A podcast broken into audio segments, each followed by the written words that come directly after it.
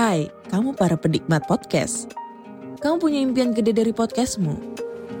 Terus First Story bisa banget bantu kamu. Mulai dari F-Link, Dynamic Audio Insertion, sampai statistik yang komprehensif. Semua ada di First Story. Gak ketinggalan kamu bisa monetisasi podcastmu lewat iklan dari First Story Ads yang bisa kasih kamu penghasilan dari setiap place podcastmu. Yuk gabung sekarang dengan klik di firststory.me. Sekali lagi, klik di firststory.me. Mari kita bawa mimpi podcastingmu menjadi kenyataan.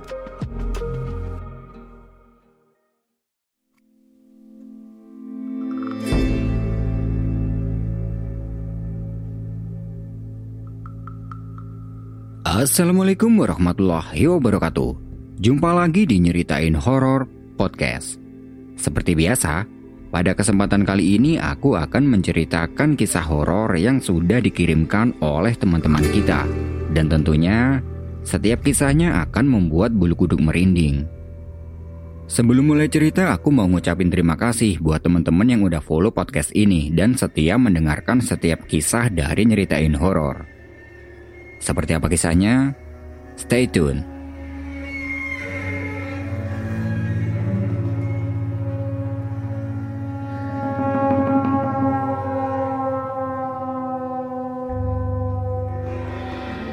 Fadil memang orangnya sangat suka dengan kegiatan pendakian. Dan setiap kali melakukan pendakian, dia ini selalu sendiri. Nggak selalu juga sih, sesekali dia sama teman-temannya, tapi jarang banget, lebih sering sendiri. Waktu itu, dia ini sedang ada masalah yang cukup rumit di keluarganya. Untuk masalahnya nggak usah diceritain lah, pokoknya masalah itu cukup membuat Fadil pusing.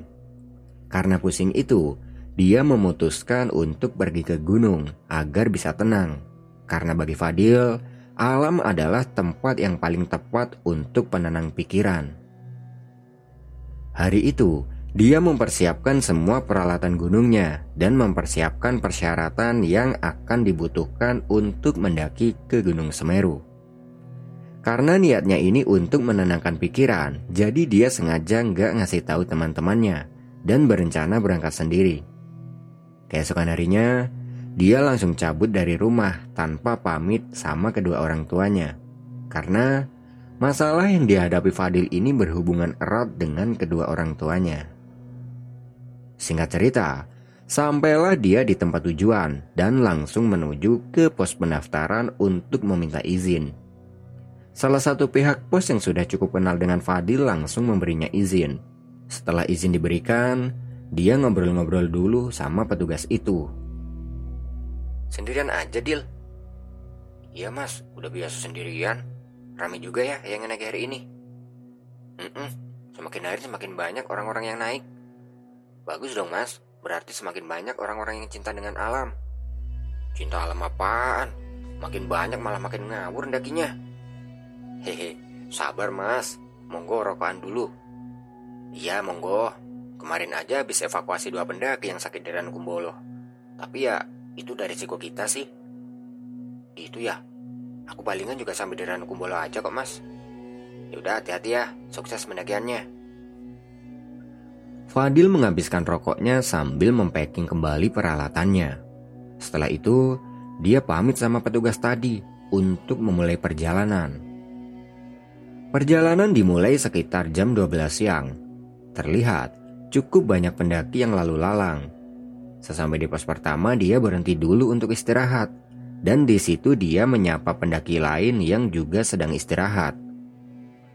Sekitar 15 menit istirahat, Fadil pamit untuk melanjutkan perjalanan dan meninggalkan pendaki lain yang masih dengan istirahatnya di pos pertama.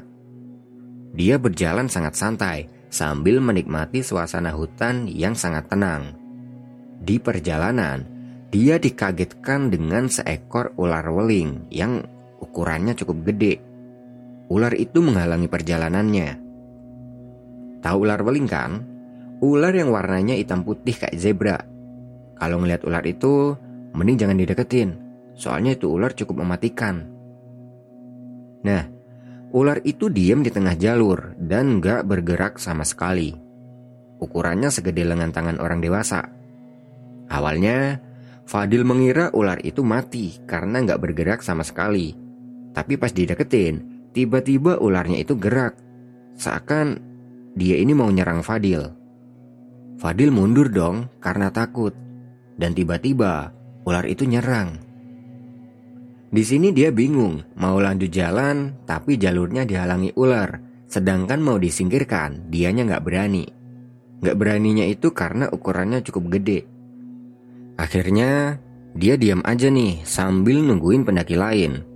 Tapi beberapa menit menunggu, gak ada satu pendaki pun yang lewat.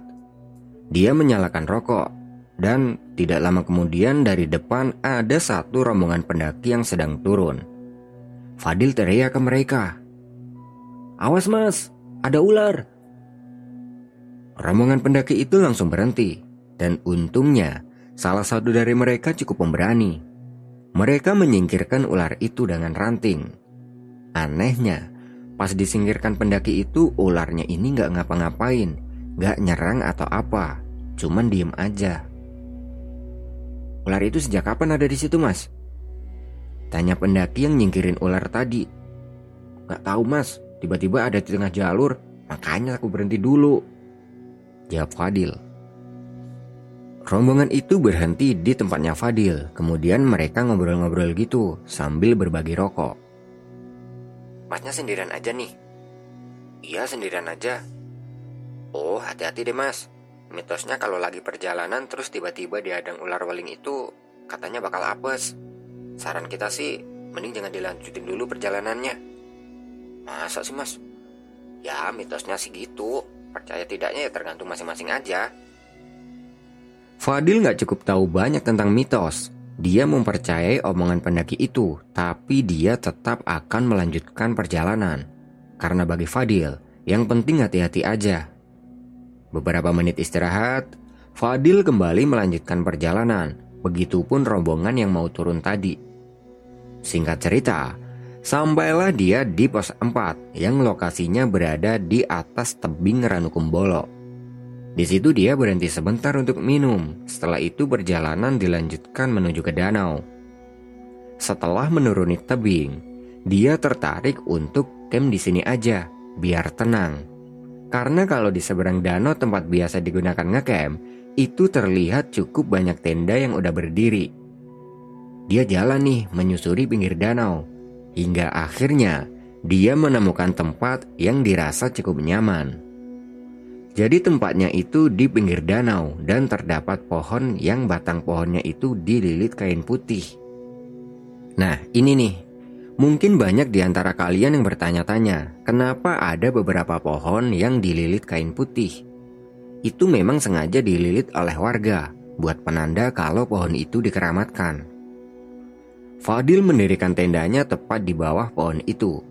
Setelah tenda sudah berdiri, dia lanjut masak-masak, kemudian dilanjut minum kopi di depan tenda. Suasana senja di Ranukumbolo sangat memanjakan mata. Pantulan cahaya matahari membuat air di danau ini semakin terlihat eksotik. Fadil duduk bersandar pohon sambil menikmati sejuknya udara sore dan ditemani segelas kopi hangat.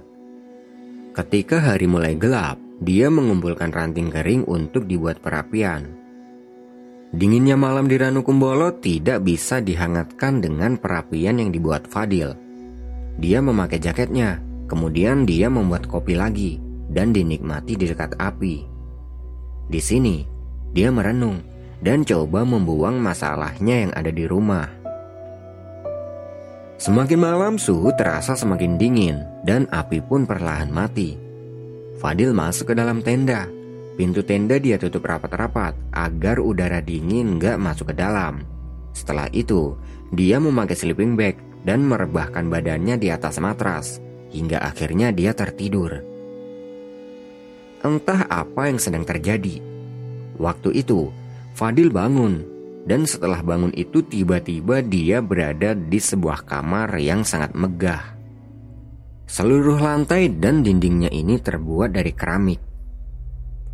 Fadil turun dari tempat tidur dan dia ini nggak sadar kalau sebenarnya dia ini sedang berada di pinggir danau Ranukumbolo. Jadi dia ini nggak ingat apa pun tentang pendakiannya itu. Yang dia tahu, sekarang dia ini tinggal di kamar yang megah ini. Dia keluar dari kamar dengan niat ingin mencari angin. Di depan kamar, dia lebih kagum karena ternyata dia ini sedang berada di dalam sebuah rumah yang sangat mewah. Dia jalan menuju ke pintu keluar yang letaknya tidak jauh dari kamarnya. Dan di depan pintu itu adalah sebuah taman yang ditumbuhi bunga-bunga dan rumput-rumput hijau.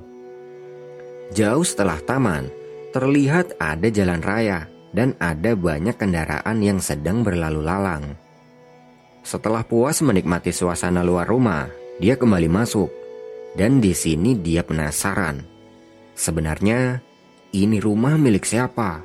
Kok bisa-bisanya dia tinggal di sini? Dia berjalan menyusuri rumah itu. Terlihat rumah ini sangat luas dan banyak ruangan yang gak ada pintunya. Dan suasana rumahnya ini sangat sepi. Gak ada satupun orang yang dilihat Fadil. Fadil terus aja jalan menyusuri setiap ruangan. Lalu, di depan terlihat ada sebuah pintu yang sama persis dengan pintu keluar di dekat kamarnya tadi. Apa mungkin itu pintu keluar yang tadi.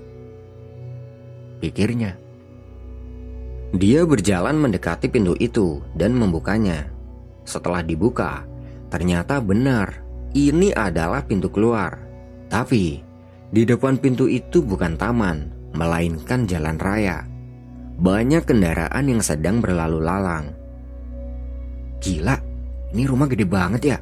Pintu keluarnya aja sampai ada dua. Batin Fadil. Dia menutup pintu itu dan kembali berjalan menyusuri rumah. Saking besarnya rumah ini, Fadil sampai kecapean. Dan rasa-rasanya rumah ini gak ada ujungnya.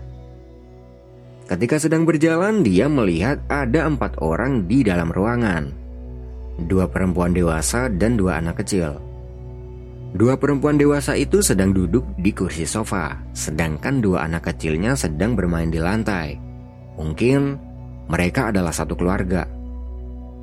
Fadil nggak mau ikut campur dengan mereka. Dia tetap jalan menyusuri rumah ini. Dan tidak lama kemudian, dia melihat lagi ada sebuah pintu yang sama persis dengan pintu keluar sebelumnya. Apa jangan-jangan itu juga pintu keluar? Atau mungkin itu pintu keluar yang tadi? Batinnya.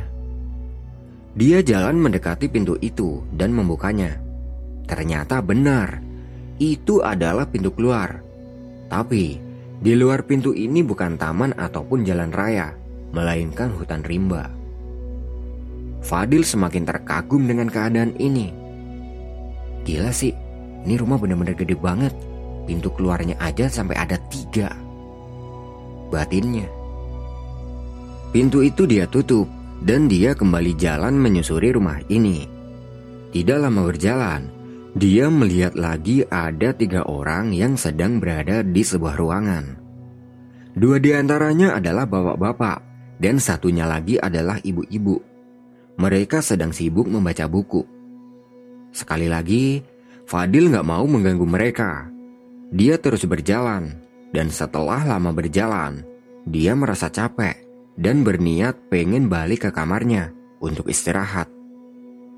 Dia jalan balik lagi nih tapi dia tidak ingat dengan jalan menuju ke kamarnya karena saking banyaknya ruangan dan luasnya rumah ini. Pelan-pelan, dia jalan sambil mengingat-ingat, tapi tetap saja tidak ingat. Dia bingung, di mana dia bisa menemukan kamarnya. Akhirnya, dia terus aja jalan. Tidak berselang lama, dia melihat ada sebuah ruangan terbuka ini aku sampai mana lagi sih? Batinnya. Dia jalan menuju ke ruangan terbuka itu. Dan ternyata di sana ada kolam renang yang airnya jernih banget. Tapi nggak ada seorang pun. Fadil semakin kagum lagi dengan rumah ini. Selain pintu keluarnya ada tiga, ruangannya juga banyak banget. Terus ada kolam renangnya pula. Dia kembali berjalan untuk mencari kamarnya di tengah perjalanan, dia melihat ada sebuah pintu lagi yang sama persis dengan pintu keluar sebelumnya. Nah, mau gak aja itu pintu keluar yang dekat kamarku tadi. Batinnya. Dia jalan menuju ke pintu itu. Sesampai di depan pintu, dia melihat ke kiri kanan dan dia tidak melihat keberadaan kamarnya. Berarti ini kalau bukan pintu keluar ke jalan raya, ya ke hutan. Pikirnya. Dia membuka pintu itu untuk memastikan, dan ternyata di luar sana bukan jalan raya ataupun hutan, melainkan air. Jadi selangkah aja dia keluar dari pintu itu, dia udah nginjak air. Seakan-akan rumah ini berada di atas air itu. Fadil semakin terheran dengan rumah ini. Selain luas, juga terdapat banyak banget ruangan yang tidak berpintu. Pintu keluarnya juga ada empat dan ada kolam renangnya juga. Dia menutup pintu itu dan kembali berjalan untuk menemukan keberadaan kamarnya. Tapi, dia udah muter ke sana kemari, tapi tetap aja nggak menemukan kamarnya. Seakan-akan rumah ini emang bener-bener nggak ada ujungnya. Karena capek dia duduk di lantai dan tidak lama kemudian terdengar ada suara hentakan kaki yang sedang berjalan ke arahnya. Dia celingukan, dan dari belakang ada seorang wanita yang berpakaian kuning keemasan. Dia berjalan mendekati Fadil. Fadil langsung berdiri untuk memberi salam pada wanita itu. Lalu, wanita itu mengucapkan sesuatu. Cap bagus, kowe ning ayo manggon ning omah iki. Wis usah mulai.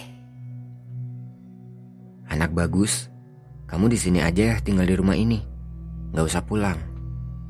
Fadil bingung karena dia tidak merasa punya rumah lain selain rumah ini. Lalu, jauh dari belakang wanita itu dia melihat ada dua orang yang sedang berjalan. Setelah diperhatikan, dua orang itu adalah ayah dan ibunya Fadil.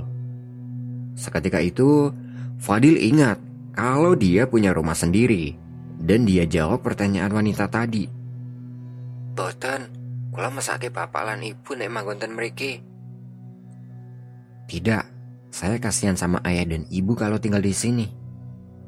Wanita itu hanya tersenyum dan pergi meninggalkan Fadil. Setelah wanita itu pergi, Fadil jalan lagi menyusuri rumah ini untuk mencari keberadaan kamarnya. Tapi, kejadian yang sama terulang lagi. Dia tidak bisa menemukan letak kamarnya dan dia kembali terduduk di atas lantai. Karena capek, dia tertidur di atas lantai. Dan bangun-bangun tiba-tiba dia sudah berada di dalam tenda.